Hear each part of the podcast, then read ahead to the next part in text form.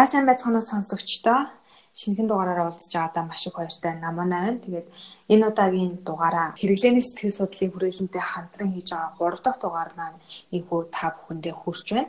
Тэгээд өмнөх дугааруудад хэрвээ мэдэхгүй байгаа бол эхний дугаар дээр бол 9 хүртэлх сартай хүүхдийн сэтгэл зүйн онцлогийн талаар ярилцсан. А хоёр дахь дугаар дээр болохоор 3 хүртэлх настай хүүхдийн сэтгэл зүйн онцлогийн талаар ярилцсан байна.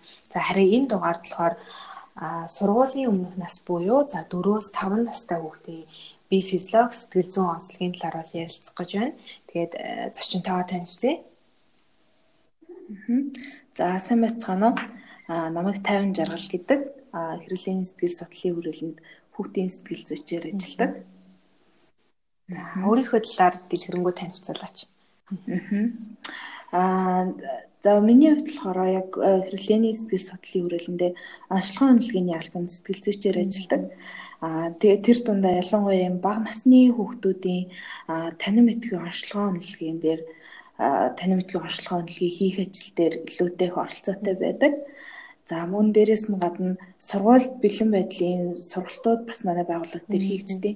Тэгэд энэ сургалтын дээр бас тухайн ангийг хариуцаад сэтгэл зүйчээр ажилладаг. А мөн дээрээс нь гадна аутизмтай хүүхдүүдийн танин мэдгийн хөгжлийг дэмжих зорилготой сургалтуудыг хийх мөн аутизмын онцлогоо үнэлгээ гэсэн ийм ажлууд дээр яг хариуцаад сэтгэл зүйчээр багтаага хамтраад ажилладаг. За ер нь одоо манай орны хувьд гэх юм уу сэтгэл зүйн шинжилгээ ухааны талаар хүмүүс нэг бүр бас сайн мэдгүй тий яг өдөр тутмынх нь амьдрал нэвтрээгүй сэтгэл зүйчэд хандахдаа ер нь бол их хойрог байдаг штэ. Тэгэхээр ер нь өөрийнхөө одоо энэ өнгөрсөн жилүүдэд ажилласан туршлагаас харахад ойрын жилүүдэд ер нь хүмүүсийн энэ талаарх мэдлэг мэдээлэл хэр сайжирч байгаа юм шиг санагдаж байна. Аха. Аа манай Монголд ер нь нөгөө сэтгэл зүйн шинжилгээ ухаан маань өөрөө хөгжөөд одоо нэг 20 орчмол жил болж байгаа. А тийм ч учраас одоо мэдээж Америк ч юм уу эсвэл том хөгжилтэй орнуудтай харьцуулахад бол мэдээж хүмүүсийн хандлт бол харьцангуй бага байх тохиолдлууд байдаг. А гисэн хэдий боловч сүүлийн жилүүдэд одоо жишээ нь манай байгууллага дээр ирж байгаа хүмүүсийн хандлтаас ч юм уу эсвэл хүүхдүүдэд хандж байгаа байд хүүхдүүдэд манай байгууллагт одоо үйлчлүүлэхээр хандж байгаа эцэгчүүдийн хандлтыг харахад энэ байдлууд ингээд жил ирэх тусам нэмэгдэж байгаа үзүүлэлтүүд ингээд статистик үр дүнгуудээр ч гэсэн нэлээдгүй харагддаг. Аа тэгээд энэ нь одоо сүүлийн үед хүмүүс сэтгэл хөдлөлийн оюун ухаан гэж их ярьдаг байсан болсон байна. Хүүхдийн танин мэдхүй хөгжил гэж их ярьдаг болсон байна те. Нөө сургуульд одоо A B ч юм уу онц муу ч юм уу авах тэр үр дүнгээс илүүтэй хүүхдийн яг ямар чадварыг хөгжүүлвэл илүү зөв бие хүн болж төлөвшөж чадах вэ ч юм уу. Эдгээр асуудлууд илүү их яригддаг болсон учраас хандлт бол мэдлээдгүй нэмэгдэж байгаа.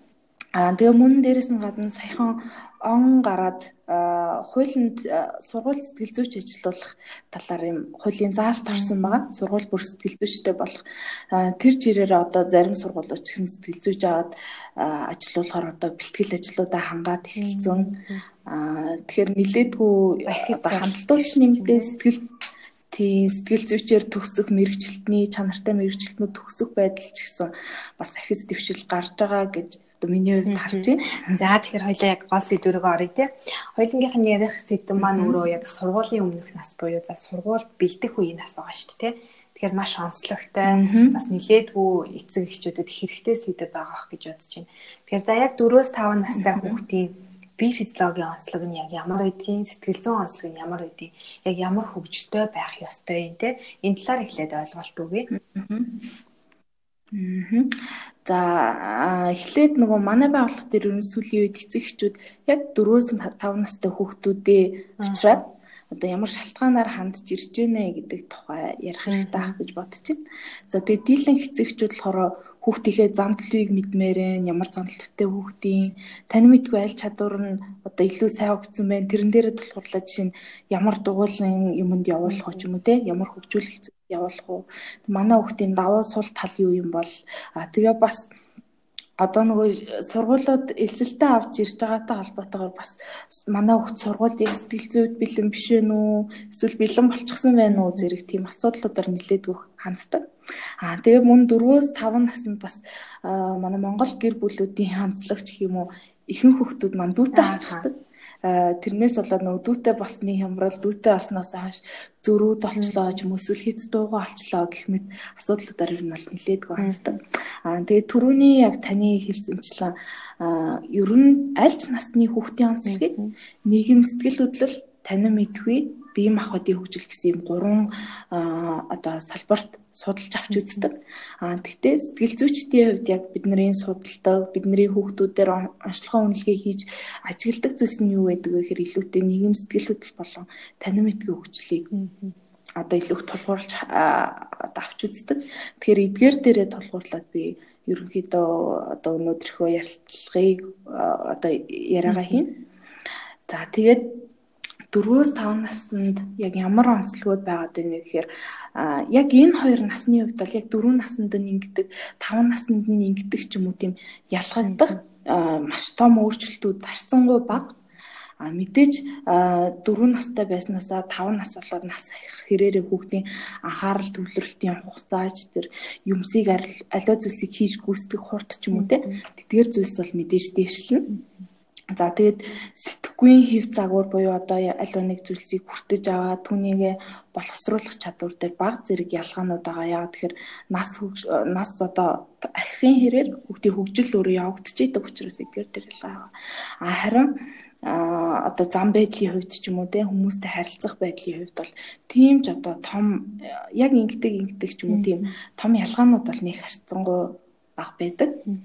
А тийм учраас аль аль тэр онцлогуд дээр ер нь энэ нас хоёр насыг хамтд нь яриад явна гэж ойлгож байна. Аа тэгээд энэ хоёр насн дээр угаасаа сургууль бэлэн байдал сургуульд яг сэтгэл зүйн хувьд ч тэр таны мэдгүй хувьд ч тэр бэлэн байна уугүй юу гэж яригддаг нь одоо нэгсэндээ хамгийн баг том яригддаг асуудал нь гэж ойлгож байна. За. За тэгвэл одоо За зөвхөн сэтгэл зүйчд хандлаггүйгээр ер нь ингээ эцэг эхчүүд өөрсдөө хүүхдээ ажиглал тий сургууль бэлэн эсхийг нь яаж мэдэж болох вэ? За хэрвээ бэлэн биш гэж үзэх юм бол юун дээр нь түлхүү анхаарч хүүхдтэйгээ ажиллах хэрэгтэй юм бол Аа ерөнхийдөө яг 4-5 насны хүүхдүүд ямар онцлогтой байна вэ гэхээр аливаа зүйлсийг хараад суралцах чадвар нь илүү сайн хөгжсөн байдаг. Одоо үнийг хараа орон зайн сэтгэхгүй гэж одоо ярьдаг. Энэ нь одоо сүүлийн үед хүүхдүүд маань утас компьютер одоо үздэг ч юм уу те бидний гараад гадаа орчинд харж байгаа зүйлс хүртэл ингээл өдөр ирэх бүр хогжиж өөрчлөгдөж байна. Үүнтэй холбоотойгоор бас хүүхдүүд энэ аливаа зүйлсийг харж түүнээсээ суралцах чадвар нилээдгүй хөгжсөн байдаг. За тэгээ мөн аливаа зүйлсийг тоглоом ч юм уу эсвэл үлгэр дээр тулгуурлаж илүү түрэг ойлгодог.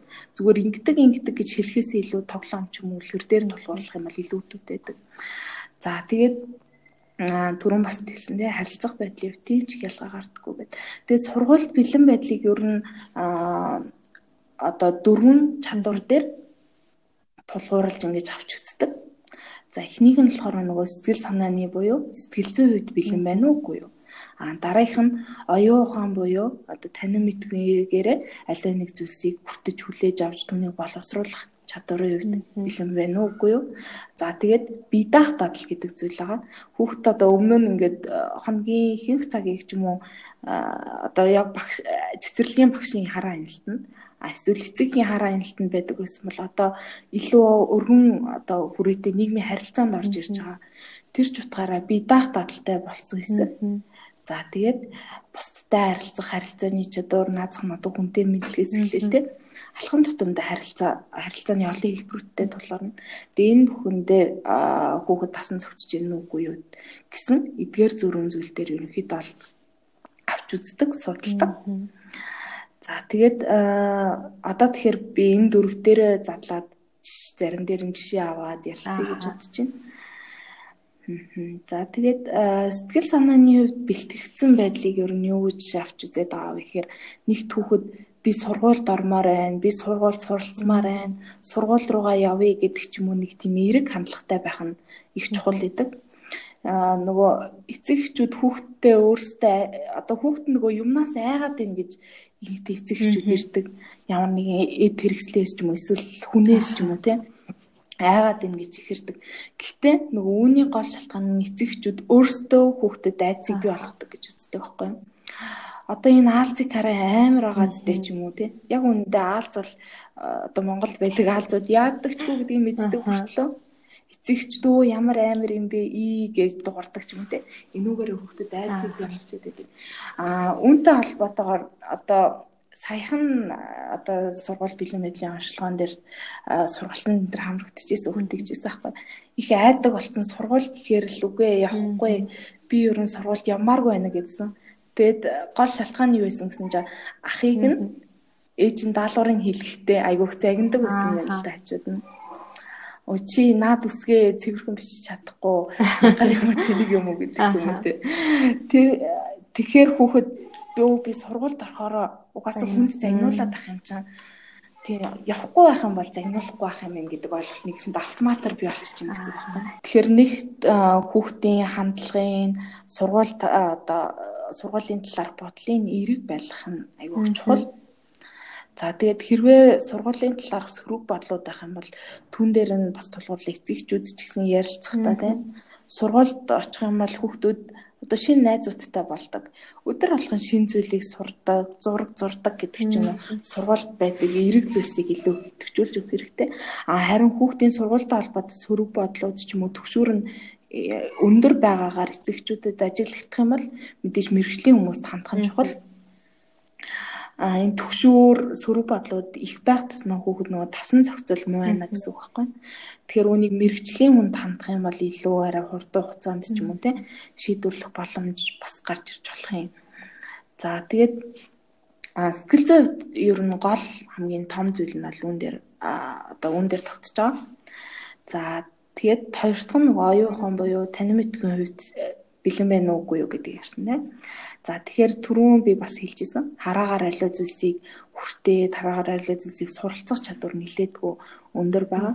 Тэгэхээр одоо эцэгчүүдийн хувьд А, Б, В гэд заах нь юу юм гэхдээ хүүхдтэй одоо 10-ын дотор тоо заах ч юм уу сургуультай холбоотой ямар нэгэн зүйлсийг ойлгуулахдаа наазах нь ингээд дүрсэн дотор аливаа зүйлийг бичээд ч юм уу их хвчлэн зургаар илэрхийлүүл том зүгээр хүүхдийн харахад нүдэнд нь тус гойц харахад нүдэнд нь ойлгогдох бас тийм байдлуудаар одоо харуулах нь илүү хүүхдэд ойлгомжтой бас амар хэлбэр байдлыг бий болгоно. За тэгээд эцэгчүүдийн хувьд бас хилцээний тал дээр нь айгүйх туслал туслалцаа нилээдгүй хэрэгтэй байдаг. Одоо чинь авиаг зөв сонсох, авиагаа зөв дуудах, яаж ялах вэ те? Үгийн нөөцийг нэмэгдүүлэх гэх мэт энэ байдлууд дээр нилээдгүй туслах хэрэгтэй. Нөгөө эцэгчүүд хүүхдээ эрхлүүлж ингээд алаа нэг одоо чинь халбаг гэдэг үе халбаг гэдэг буруу хэлдэг ч юм уу те Энэ нь болохоор хүүхд яг нөгөө суралцаа цээж бичиг бичих ч юм уу эсвэл үсгийг үсгийг ингээд сурахад айгүй төвхтэй нөхцөл байдлуудыг бий болгочдөг учраас хэрвээ та хүүхдтэйгээ ингэж ярьдаг ч юм уу байх юм бол яг энэ наснаас нь эхлээд одоо үнийг болох хэрэгтэй үгийг зөв дууддаг тэр одоо дадал хөвшилт хүүхдэд сургах хэрэгтэй. За тэгээд ерөнхийдөө 4-өөс 5 насны онцлог дээр ч гэсэн одоо аливаа нэг зүйлсээ нөгөө сурал одоо хараагаар суралцах суралцсан зүйлсийн тэдэн хувийн тогтоодог сонсголоор суралцсан зүйлсийн тэдэн хувийг тогтоодог гэдэг тийм үзэлтүүд байдаг байхгүй. Тэгээ ерөнхийдөө сонсголоор одоо суралцсан зүйлсийг 20% хүүхд тогтоодог. А харин өөрийнхөө сонсоод түүнийг эргүүлээ ярьж байгаа зүйлсийг 80%ийг тогтоодог юм л да.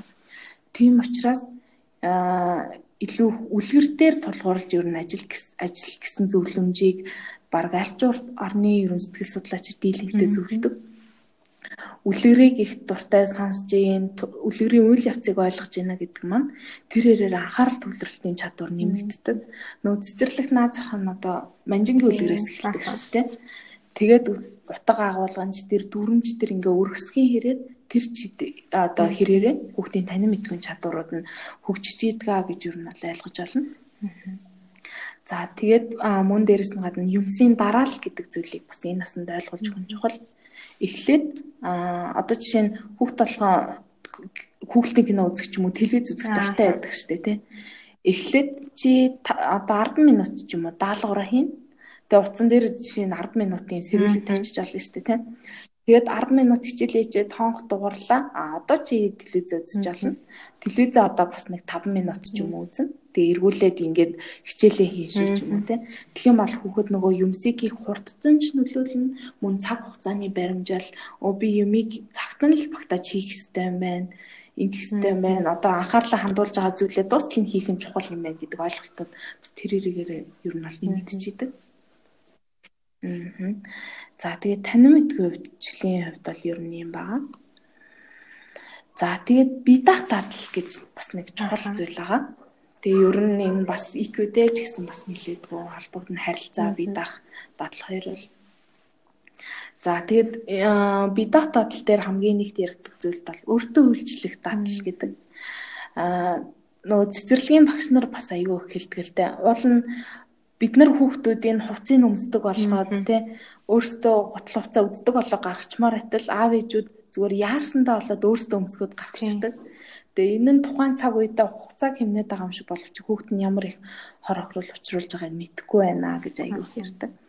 Тэгэхээр наазах нь хүүхэд өөрөө эмгэгцэгцтэй хувцас өмсчдөг болчдөг товчоо хооронд нь зөрүүлэхгүй товчилдог болдог гэх мэт энэ чадварууд нь зүгээр нэг том хүмүүсийн хувьд харахад энгийн үйлдэл юм шиг боловч тэр хүмүүсийн хувьд хөгжлийг маш том суурийг өгч идэг зүйл учраас э, жижиг зүйлс гэлтгүй энэ дээр нь анхаарч зурх хэрэгтэй.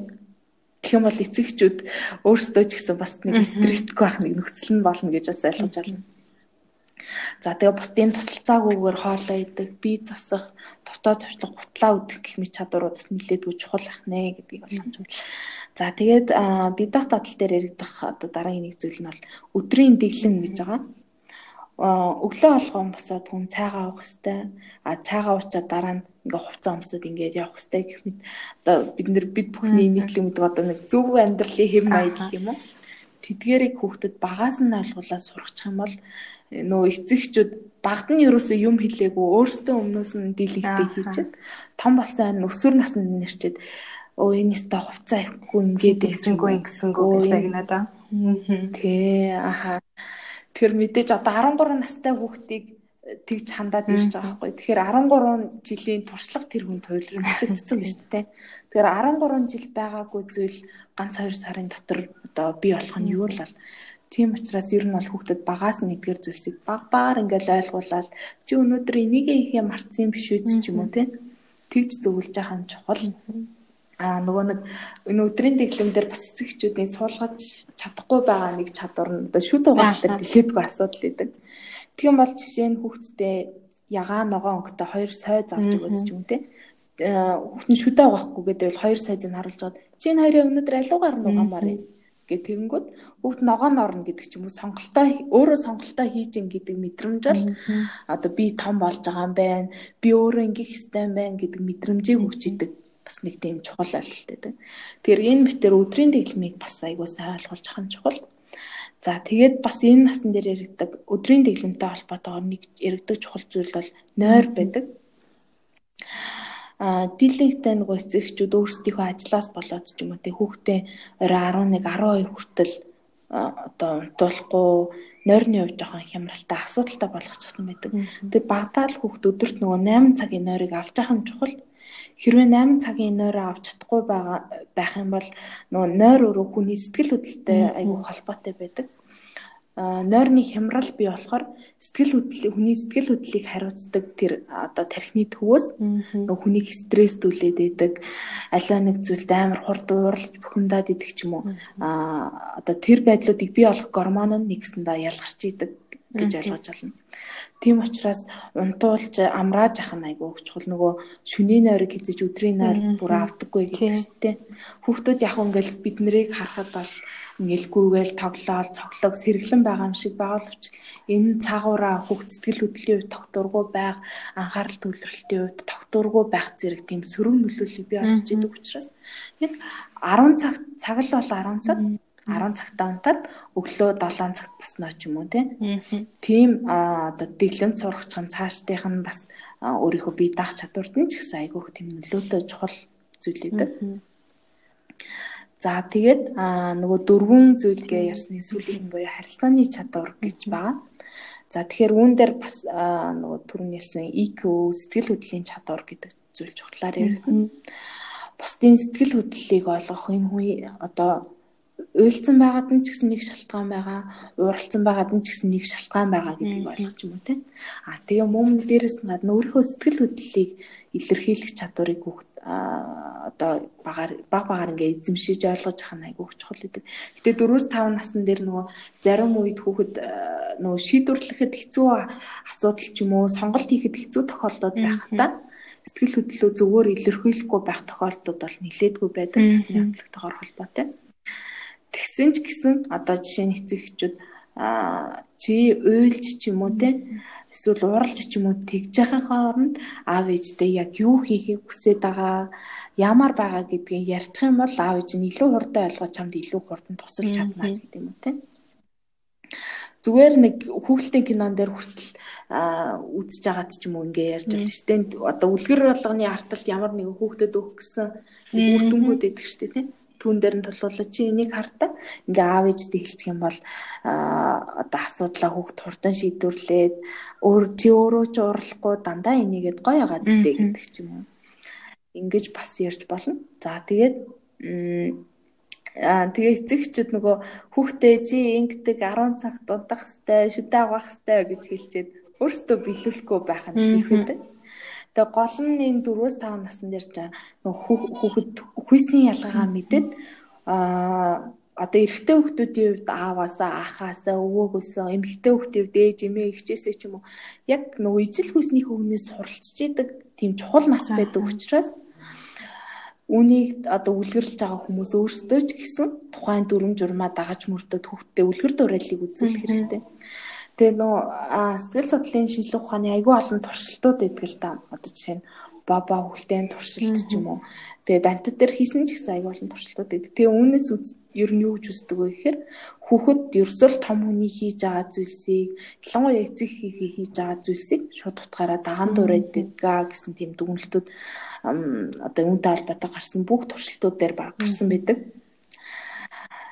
Тэгэхээр эцэгчүүд хүүхдээ өөртөө ямар байдлахыг хүсэж нь өөрөө ч гэсэн тийм байх хэрэгтэй гэсэн одоо бага явж байна гэж ойлгож байна. За тэгээд харилцааны чадварыг эзэмшүүлэхийн тулд үлгэр дээр ажиллаж болно. Муу ямар нэгэн одоо сэдвтэй, дүрмтэй тоглоомуудыг одоо үед айгуух тийм карттай хүүхдэд зориулсан 4 метртэй тоглоомнууд их шүү дээ. Ийм тоглоомнуудаар тоглох юм бол илүү үр дүнтэй. Тэгээ хүүхэд яг нөгөө том хүмүүсийн хувьд хийж байгаа ажил шиг нь хүүхдэд тоглоом тоглож байгаа нь тийм ажил шиг мэдрэмжийг төрүүлдэг гэж үздэг. Гэхдээ хүүхэд аливаа зүйл дасан зохицох, аливаа зүйл сандрахгүй айж төгшөөрлөхгүй байх байдал нь энэ наснд чухал байгаа учраас илүү хамтдаа тоглодог, хамтдаа аливаа нэг зүйлсийг бүтээдэг зүйлсийг хүүхдтэйгээ цугтаа хийх юм бол илүү үр дүнтэй байх боломжтой. Хүүхд чинь сургууль суралцахдаа ямар нэгэн асуудал бэрхшээлгүйгээр а одоо дасан зохицох тийм бүрэн боломжтой гэж ойлгож байна. Төрөний нөгөө айлгадаг эцэг эхчүүд нь өөрсдөө хүүхдээ нөгөө айцтай болгодог гэдэг дээр нэг сансан юм гэх юм бол эцэг эхчүүд чи сургуультай явахгүй бол багшчин загны шүү гэл багшийн нэг амир мангас байгаа шиг тийм юу сэтгэхүй суулгачдаг шүү дээ тий. Тийм. Яа зөв. Аа нөгөө сургууль бэлний сургалтын дээр бас ярьдаг байхгүй одоо ингээд сургууль дотор ямар хүмүүс байдаг вэ? Сургууль дотор хүмүүс юу хийдэг вэ гэж асуухаар бас хүүхдүүд яг тэгдэг багш юу амар штэ даалгавраа хийгээгүй бол гарын өргүүлээ зогсоодог гэсэн гэдэг ч юм уу.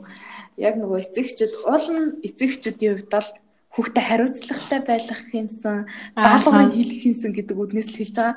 Гэтэ тэрүүнийг нь хүүхэд одоо томчууд ч юм ухаж ойлгохгүй. Шууд утгаар нь өө багш гэдэг чи яасан амар хүн юм бэ ч юм уу те. Тэг шууд утгаар нь ойлгодог учраас бид нар үг яриан дээр хүртэл анхаарах нэг хэрэгцээ гарч ирж байгаа гэж ойлгож байна. Аха. Ер нь одоо манай эцэг эхчүүд чинь сургуулийн өмнө одоо хүүхдээ бэлдэх ёстой гэдэг талаар ойлголт ер нь баг байхгүй гэж хэлж байна шүү дээ. За баг бүх хүүхдүүд ингээл яваад болчт юм чинь манай хүүхд ч гэсэн болно гэдэг тийм бодолтой байдаг шүү дээ. Тэгэхээр ер нь за сэтгэл зүйн одоо танин мэдхүн чадрууд нь бэлдсэн хүүхэд сургуульд орсон, бэлдээгүй хүүхэд сургуульд орсон хоёрын хооронд одоо ялгаа гэх юм уу, тийм зүйл ажиглагддаг?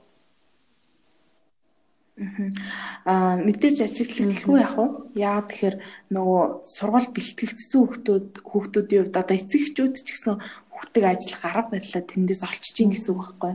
Оо манай хүүхд ч одоо дүрсэн дотор юм хийчих юм бол амархан тогтоодог.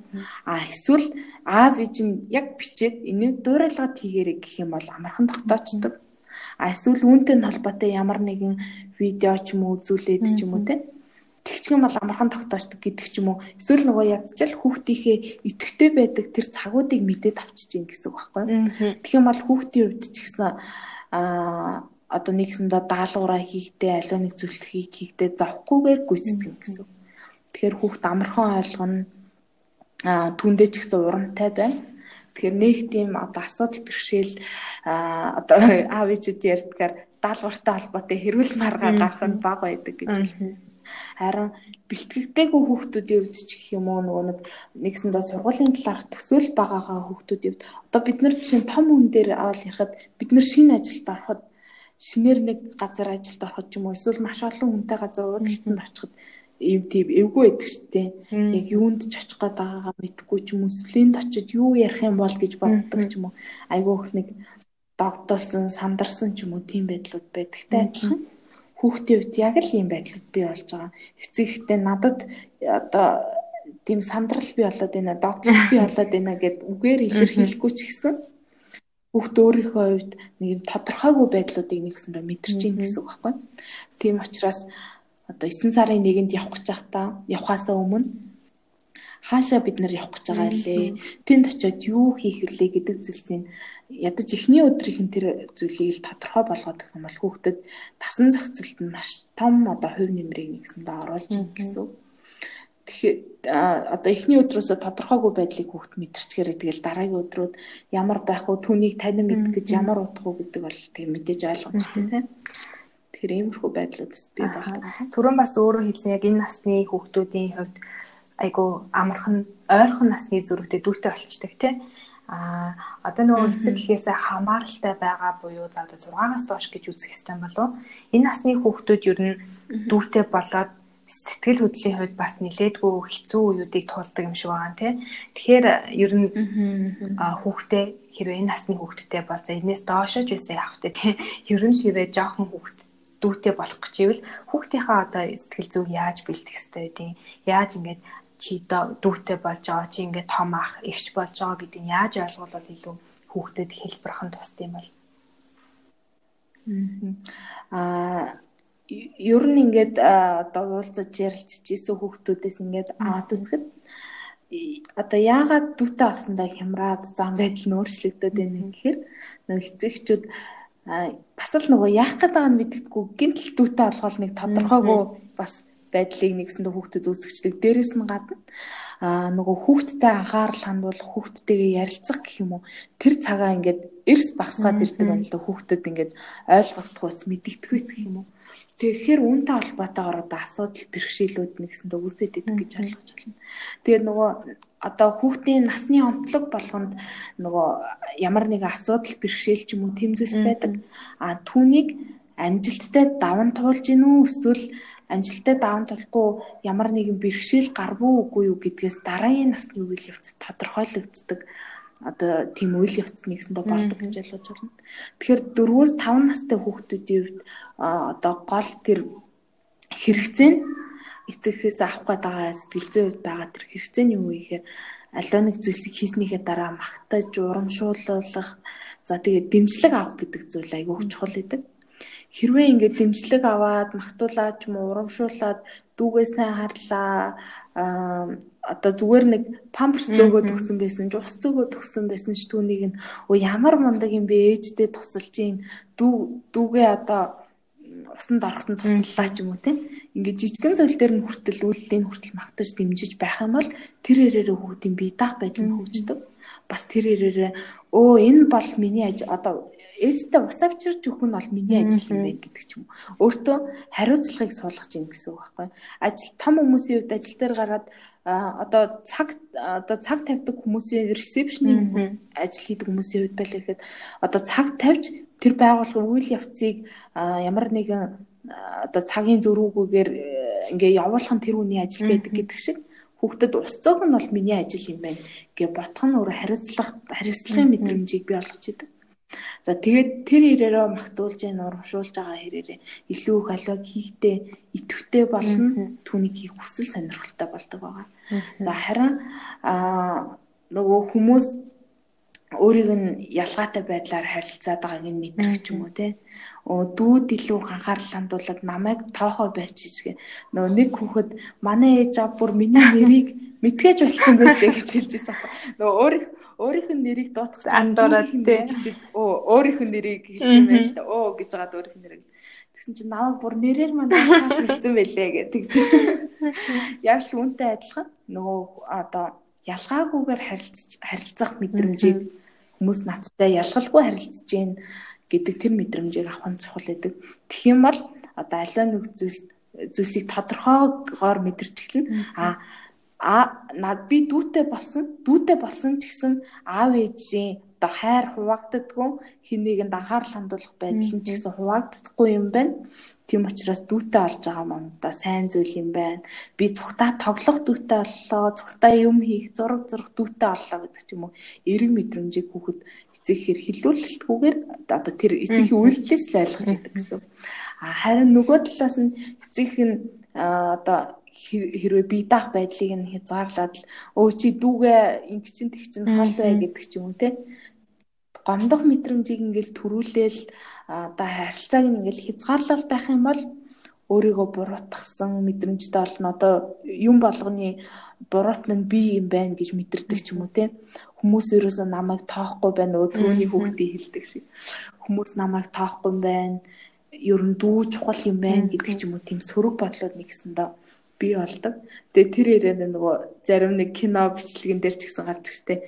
Дүүгээ нэг шонгочих гэдэг ч юм уу дүүгээ нэг өдөөд идэх ч юм уу тийм үйлрүүдийг хүүхэд дэлгэдэг гаргаад идэг.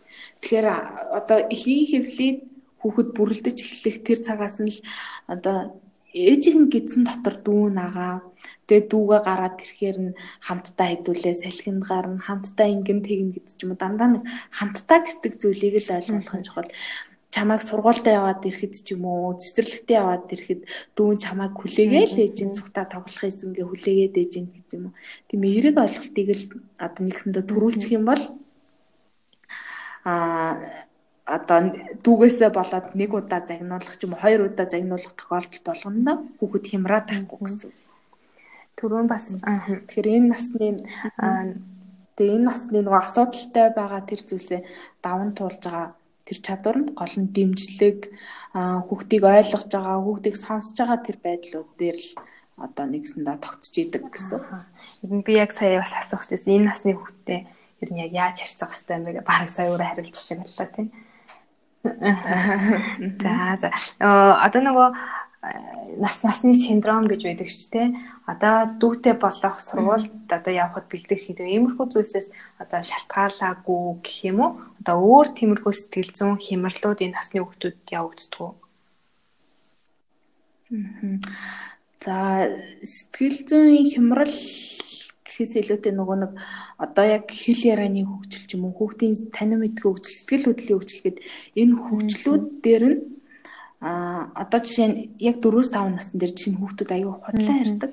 Тэгээ энэ нь бол яг хуу хэл ярианы хөгжлийн хөвд хүүхдийн ингээд сэтгэхүйн чадвар нэмэгдэж гээ, зохион бодох чадвар нэмэгдэж гээ. Тэгээ тэр ирээр ингээд юмсыг зохиож төсөөлж ярьж гээ гэдэг одоо худлаа ярих болгоно нь одоо жишээ нь муу зүйл гэсэн үг биш хүүхдийн танин мэдгүй хөгжил тархины хөгжил нь ингээ явагдах ёстой жамаараа л нэгсэн дөрөвчнэ гэсэн.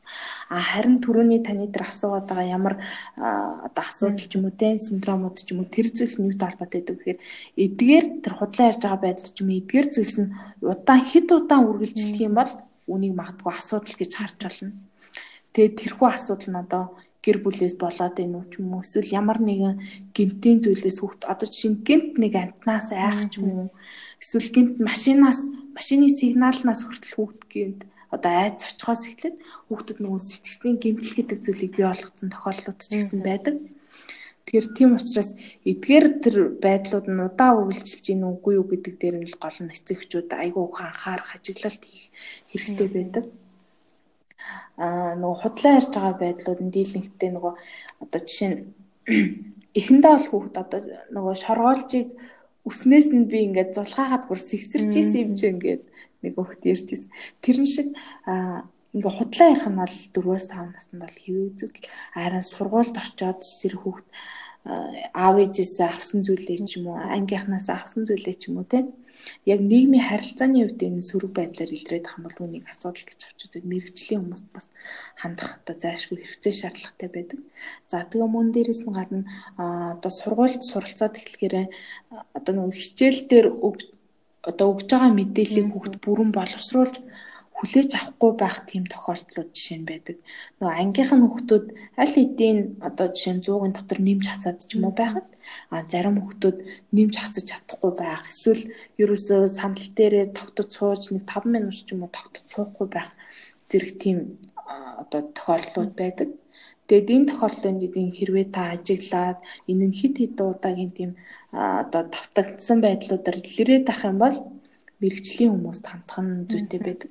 Энэ мөний түрүү нийлсэн тэр сэтгцийн нөгөө янз бүрийн цочрлоос ч юм уу одоо би болсон байх магадaltaй эсвэл гэр бүлийн харилцааны нөгөө нэг одоо хүүхдтэйгээ нээлттэй харилцаж чадахгүй байх ч юм уу тийм байдлуудаас ч ихсэн үүссэн байх боломжтой учраас яг нөгөө гол шалтгаан нь юу байна вэ гэдэг дээр л одоо ажиллах нь чухал.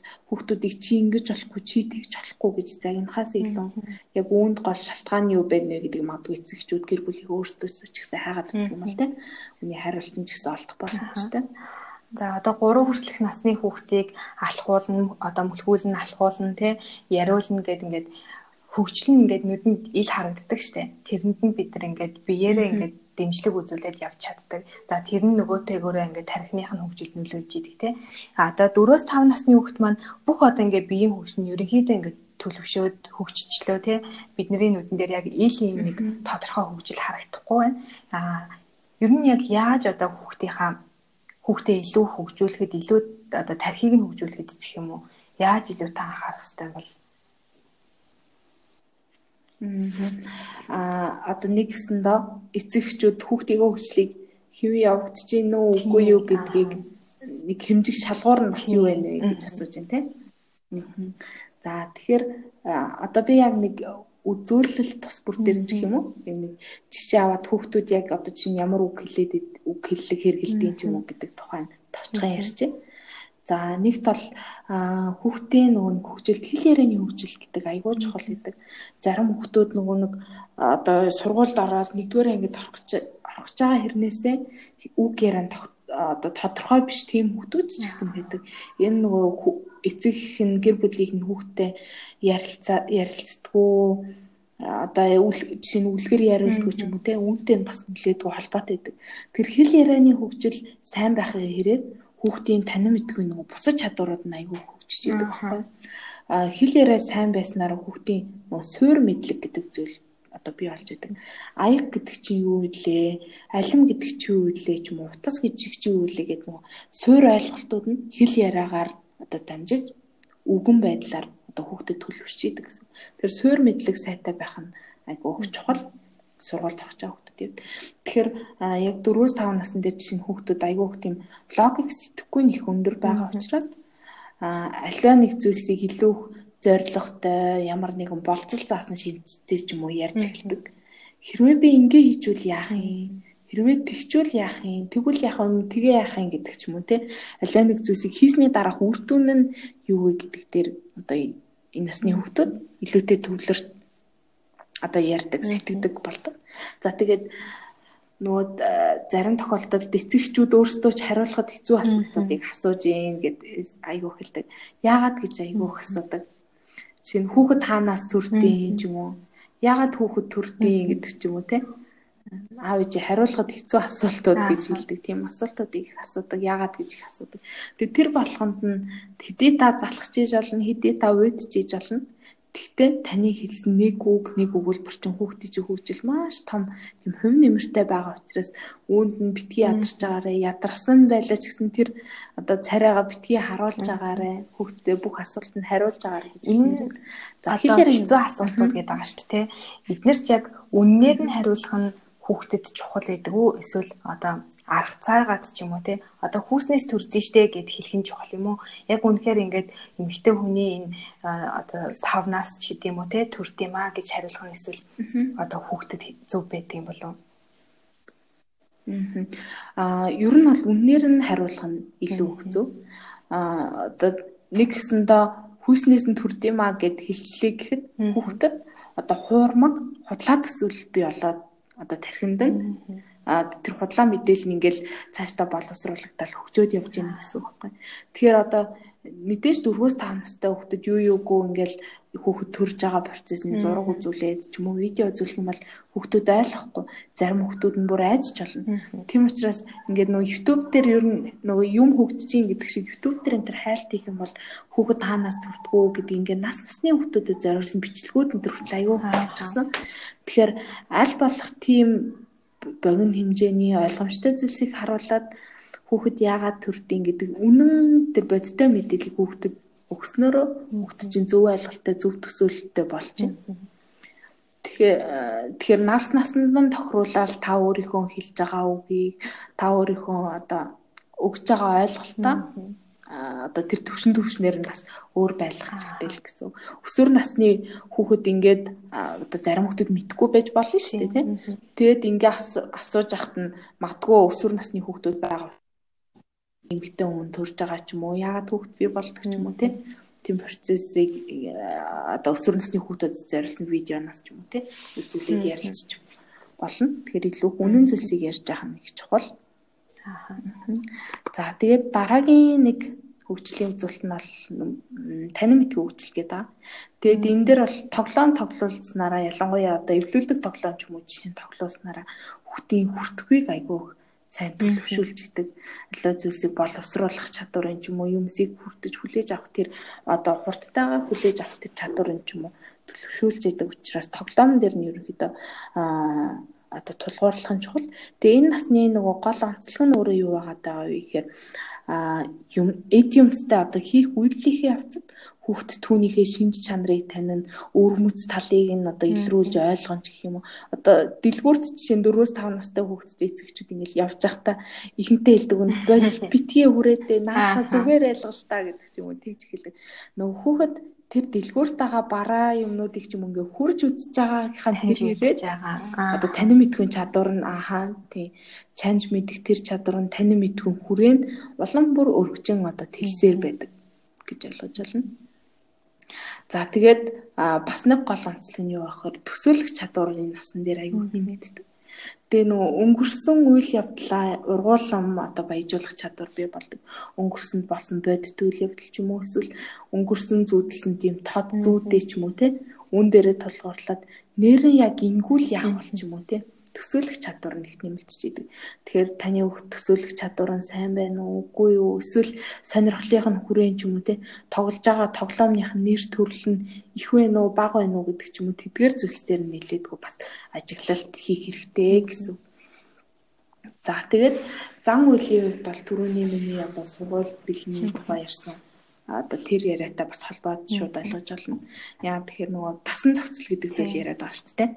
Орчиндоо илүү их тасан зохицоод шинэ хүмүүсийн дунд шинэ найзууд шинэ үеийн гихнийгээ дунд орсон ч гэсэн хүүхд түндэ хямарч гин үгүй юу? Түүнтэйгээ холбоотой ямар сэтгэл хөдлөл заав илийг илэрхий одоо илрүүлж гин гэдгийг дээр ажиглах чухал. Дийлэнхтэй нөгөө нэг одоо 7 8 нас хүрсэн хэрнээсээ ангита тасан зохицохгүй сургуультай тасан зохицохгүй байх гэсэн асуудалтай хүүхдүүд ч гэсэн ирдэг. Тэгээд тэр хүүхдүүдээс нөгөө бас сургууль очсон ихний өдөр болон цэцэрлэгт очсон ихний өдөр нь хүүхд яг ямар байсан бэ гэдгийг бас бид нар хацууж тодруулдаг. Тэгээд тэндээс бол хүүхдийн нөгөө нэг илэрхийлж байгаа илэрхийллийг одоо нэгсэндээ шууд тутгаар харж болдог гэсэн. Тэгэхээр шинэ орчинд орох аливаа нэг олон нийтийн газар байхдаа хүртэл хүүхд чинь ямар зам үлийг гаргаж байна. Нөгөө нийгэмд хүлээн зөвшөөрөгдсөн хэм хэмжээ гэдэг шиг одоо бусад хүүхдүүдтэй харьцуулахад ижлэхэн сэтгэл хөдлөлийг гаргаж гинүү эсвэл арай өөр сэтгэл хөдлөлийг нэг бол хэд одоо хөшүүн байж болно. А эсвэл нэг нэг бол хэд тийм мэдрэх ч юм уу тийм хариултыг үзүүлж болно. Тэгэхээр эдгээр нь ямар байна вэ гэдгийг бас ажиглаад үзүүл зүгээр. За тэгээд сүүлийнх нь сэтгэл хөдлөл гэж байгаа. Тэгээд сэтгэл хөдлөлөө зарим тохиолдолд зөв илэрхийлэхгүй байх тийм тохиолдлууд ч байдаг. Тэгээд ерөнхийдөө бол нөгөө ойлгоогүй зүйлс дээр хөвчлэн хүмүүс уурлаж бухимддаг. Одоо нөгөө эцэг эхчүүд ингэдэг гэж байгаа байхгүй одоо хүүхдийнхээ өөрийнх нь үгээр байх юм бол хүүхдээ айгүй мундаг гэж магтдаг. Харин өөрийнх нь үгээр биш байх юм бол хүүхдүүдээ загиндаг ч юм уу, шийтгдэг ч юм уу те өөрсдөө эцэгчүүд ямар нэгэн сөрөг сэтгэл хөдлөлийг гаргадаг. Тэгэхээр нөө яагаад өөрийнх нь буруу вэ ч юм уу, яагаад өөрийнх нь зөв биш вэ гэдгийг ойлгуулаагүй хэрнээс хүүхдэд загнаад байна гэдэг маань өөрт нь тийм тодорхойгүй юу ч ойлгоогүй мдээгүй гэсэн мэдрэмжийг төрүүлж идэг учраас тэр болгонд хүүхэд нэг уурлаад нэг өрөөнөөс гараал хөвчдөг ч юм уу, уйлждаг ч юм уу тийм сэтгэл хөдлөлийг гаргадаг. Тэгэхээр хийж байгаа зүйлт нь яагаад өөрийнх нь зөв байгааг бас яагаад өөрийнх нь алдсныг яагаад өөрийнх нь буруу байгааг ярьж ойлгуулж ах нь чухал. За тэгээд нөгөө юмсын дүрм дүрм журамыг дагаж мөрдөг дүрм журам гэдэг чи юу юм? Яагаад ер нь дүрм журам байдیں۔ ч юм уу те. Эдгээрийн яг суурь нь энэ насанд бас тавигдж байгаа одоо одоо тавигдж байгаа учраас багшийн өгсөн үүрэг даалгаврыг хүүхэд биелүүлж гэнэ үгүй юу? Таны хэлсэн зүйлсийг ч юм уу хүүхэд биелүүлж байна. Яг нь зарим тохиолдолд хүүхэд залхуураад ч юм уу хийхгүй байх тохиолдол байна л да. Гэхдээ таны өгсөн үүрэг даалгаврыг таны хэлж байгаа ингэж болохгүй, тэгж болохгүй шүү. Ягаад гэвэл тийм гэд хэлсэн зүйлийг ч өөртөл хүүхч яг ойлгож гин үгүй юу гэдэг дээр нь бас нэлээдгүй ажиглалт хийх хэрэгтэй. Аа бас бусдын нөгөө сэтгэл хөдлөлийг одоо хэрэг зэрэг ойлгож байна вэ гэдэг дээр нь бас ажиглал тун зүгээр. Нөгөө хүмүүс заримдаа нөгөө харилцаанаас болоод гэр бүлийн таагүй харилцаанаас ч юм уу болоод хүүхдүүд нөгөө сэтгэл хөдлөлийн үед хэд хөшүүн болчихсон хүүхдүүд байдаг. Тэгээ тийм хүүхдүүд нь одоо жишээ нь хүн уйлж хахад магадгүй хүн инээж ахт ч юм уу одоо яг нэг ямар ч нөгөө нүүрний хувирлгүйгээр сэтгэл хөдлөлөө илэрхийлэхгүй байх. Одоо наад жил хүүхэд нөгөө хин нэг уйлж ахсан бол очиод илдэг ч юм уу тийм үйлдэл гаргадаг штеп. Тийм үйл гарахгүй байх ч юм уу тийм тохиолдол байдаг. Тэгэхээр эдгээр дээр нь сайн ажил тийгээ зөв сэтгэл хөдлөлөө гаргаж гинөө бас хүмүүсийн сэтгэл хөдлөлийг ойлгож гинөө гэдгийг ажиглал ер нь алтан зүгээр. Тэгэхээр ер нь бол яг гол одоо 4-5 насны дээр яригдах гол ажиглах зүйлс нь одоо саяны миний түрүүний ярьсан зүйлс гэж ойлгож байна. Эзэнээс ер нь хүүхдтэй чи юм хувь хүн шүү, тусдаа юм одоо тий надаас тусдаа, аваасаа тусдаа ийм хувь хүн шүү гэдгийг яаж хизэнээс ойлгуулж харьцах хэрэгтэй байдаг вэ? Аа ерөнхийдөө бол онлын хувьд ч гэсэн практик дээр ч гэсэн ингээд харахаар ер нь дөрөв орчим наснда хүүхэд аа би эмэгтэй хүн юм байна. А би харин эрэгтэй хүн юм байна гэдэг ойлголтоо мэдэрч эхэлж байгаа байхгүй. Тэгэхээр нөгөө энэ насанд би ярилцлагынхаа эхэнд ч гэсэн бас хэлж ирсэн тийм. Энэ насанд нөгөө хүүхд ижил хүйснийхээ хүмүүсийг даган туурайж одоо тэр хүмүүсээс суралцж идэг учраас энэ үеэс нь эхлээд л чи одоо өөрийн гэсэн дуртай зүйлтэй чамд бас өөрийн гэсэн дургүй зүйл ч гэсэн байдаг. Одоо хүн болгон заавал одоо эмгтэй хүүхд болгон заавал баг би дуртай халбгүй шүү дээ. Үүнийг ч гэсэн ингээд ярьж ойлгуулж ахын чухал. А одоо нэг хүйсийн баримжааллаа мэдэрч байна гэдэг чинь юу юу бол хүүхдээ миний хүүхд бол ингээд чи би даасан юм хүн гэл тэгэхээр мэдээж хүүхд нь ойлгохгүй шүү дээ тийм. Зүгээр л дуртай зургийн зүйл дээр нь тулгуурлал. Чамд ч ихсэн бусдаас ялгагдах юм дуртай зүйлс чинь дургуй зүйлс чинь гэдэг ч юм уу. Энэ битээр л одоо баг багаар ойлгуулах юм бол хүүхэд одоо бусдын дуртай зүйлийг би хүндлэх хэрэгтэй. Бусдын дургүй зүйлсийг одоо миний дуртай зүйлсэд өөр хүн ч гэсэн дургүй байж болно гэдгийг хүүхэд тэр одоо үйл явцаас ярианаас ч юм ойлгож идэг гэсэн. За сүүлийн хаасалтыг асууя. Тэгээд ерөнхийдөө энэ насны хүүхдүүдтэй хүмүүстэй эцэг эхчүүд юун дээр нь илүү анхааруул зүгээр үү? Хүмүүжилт нь ер нь яаж анхааруул илүү зүгээр вэ? Ерөнхийд нь бас нэг зөвлөгөө өгөөч те. Аа тэгэхээр нөгөө хамгийн гол чухал энэ насны гол хэрэгцээгээ одоо сэтгэл зүйн хувьд гол хэрэгцээ нь өөрөө юу байгаа даа гэхээр би даасан байдлаа болон би ч гэсэн нэг хариуцлагатай би ч гэсэн аливаа нэгэн үүрэг даалгаврыг биелүүлдэг хүн гэдгийг одоо мэдэрдэг мэдрэх тэр хэрэгцээ нь өөрөө мэдрэмж нь өөрөө гол хэрэгцээ нэг аахгүй. Тэгэхээр үүндэл эцэг эхчүүд зөв ойлголтын бий болгоод нөгөө хүн өөрийнхөө хэрэгтэй байгаа зүйлийг авчгаар ямар таантай мэдрэмж төрдөг лээ те.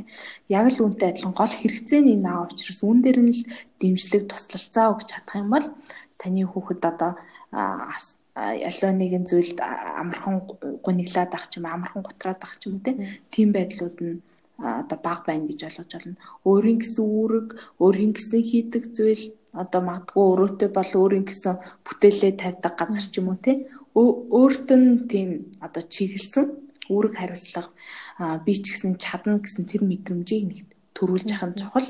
За тэгээд харилцаан дээр тэр ялангуяа нөгөө өөрийгөө илэрхийлэх бас аливаа нэг зүйлс сонголт хийж байгаа байдлыг одоо хүндэтгэж үзэх хэрэгтэй. Заримдаа хүмүүс нөгөө хувцас өмсөхтэй хүртэл тэгдэг шүү дээ. Би өнөөдрийн хувцыг өмсөхгүй. Яагаад гэвэл охтуудыг хөдөө харагддаг учраас энэ тэрхүү өмсөхгүй гэж тэгдэг шүү дээ. Тэгэхээр үүн дээр нь ч гэсэн одоо та ойлгож харилцах хэрэгтэй. Тийм миний охинд энэ тэрхүү айгүй гоё зөгтөн шүү дээ. Гэтэ өнөөдөр гадаа хүйтэн байгаа учраас энэ тэрхүүгөө өмсөх хэрэгтэй л дээ гэдэг ч юм уу. Ингэж ойлгуулах хэрэгтэй. Тэгэхгүй л юу юу гүйлгүүхтэй би чиний төлөө хэлж яан энэ тэрхүүгөө өмс гэхээр ч мэдээж бага насны хөхөд тэрүүний чи ойлгохгүй. Тийм учраас харилцаан дээрээ та анхаарад өөрийгөө илэрхийлж байгаа байдал, өөрийнхөө сонголт хийж байгаа тэр байдал болгоныг хүндэтгэх а хэрэгтэй гэсэн. Одоо эцэг эхчүүд хүүхдэрээ хүндлүүлэхийг ч юм уу ахмад насны хин нэг нэр өөрийгөө хүндлүүлэхийг хүсдэг шиг хүүхдчиж ч гэсэн сонголтын өөрийнх нь үзэл бодлыг өөрийгөө илэрхийлж байгаа байдлуудыг хүндэтгэх хэрэгтэй. За тэгээд үлгэр ярьдаг. Тэгээ үлгэр бүхэн одоо аз жаргалтай төгсдөг, дандаа хамтдаа байдаг ч юм уу эсвэл хөвчлөлтөй сонирхолтой байдаг учраас үлгэр ярьж өгөө түн дээрээ хүүхдэд тулгуурлаад айгүйх ойлголтуудыг нөгөө танин мэдгүй чадвараас гадна амьдралын одоо янз бүрийн одоо талын чадваруудыг ч гэсэн хүүхдэд ойлгуулах боломжтой байдаг учраас үлгэр бол нэлээдгүй хүүхдийн энэ насны хөгжилд айгүй том чухал хувь нэмэртэй байдаг. Тэгээд хүүхдүүд бол нөгөө бидэнд байгаа хамгийн тийм үнэтэй зүйл. Тэгэхээр нөгөө ямар ч цаг үед хүүхэд хамгийн сайнаараа хичээж идэг гэдгийг л эцэгчүүд гол нь ойлгох хэрэгтэй. Хүүхэд хэрэгээс алдахыг хүсээд алддаггүй. Зүгээр хийгээд тэр нь магадгүй амжилтгүй болоод тэр нь том хүмүүсийн сэтгэлд нийцэхгүй болохоор хүүхдээ чи буруу ичлээ чи ингэчлээ тэгчлээ ч юм уу шүмжлэг өгдөг. Гэтэ хүүхэд ямар ч тохиолдолд хэрэгээс тэгдэггүй учраас ямар ч цаг үед хамгийн сайнаараа хичээж байгаа шүү гэдгийг анхаарж агаарэ хүүхдээ хүндэлж агаарэ гэж хэлмээр байна. За 50 жаргалдаа маш их баярлалаа. Аа. За баярлалаа. За тэгээд э, цаг гаргаж урилгыг хүлээж авч ярилцсан маш их баярлалаа. Манай сонсогчид бас хэрэгтэй мэдээлэл авч чадсан гэж найдаж байна. За. За баярлалаа. Тэгэд нөгөө энэ миний ярьсан бүх зүйлсээс ч юм уу одоо ярьсан зөвлөмжүүдээс ч юм уу хүүхд болгонд бас одоо таарахгүй тохиолдод ч гэсэн байдаг. Тэгэхээр таны хүүхдийн сэтгэл зүйн онцлог, таны хүүхдийн юмсыг хүртэж хүлээж авах байдлууд нь те ямар вэ гэдгийг та угаасаа хамгийн сайн мэдж байгаа учраас энэ нь надад миний хүүхдэд илүү их тохироо байна. Энэ нь тийм байна гэд бас шүүж тунгаагаад одоо хэрэгжүүлээсэ гэж бас хүсмээрээ. За баярлалаа. За тэгээд дараагийн дугаараараа иргэд уулзцаая. Баяртай.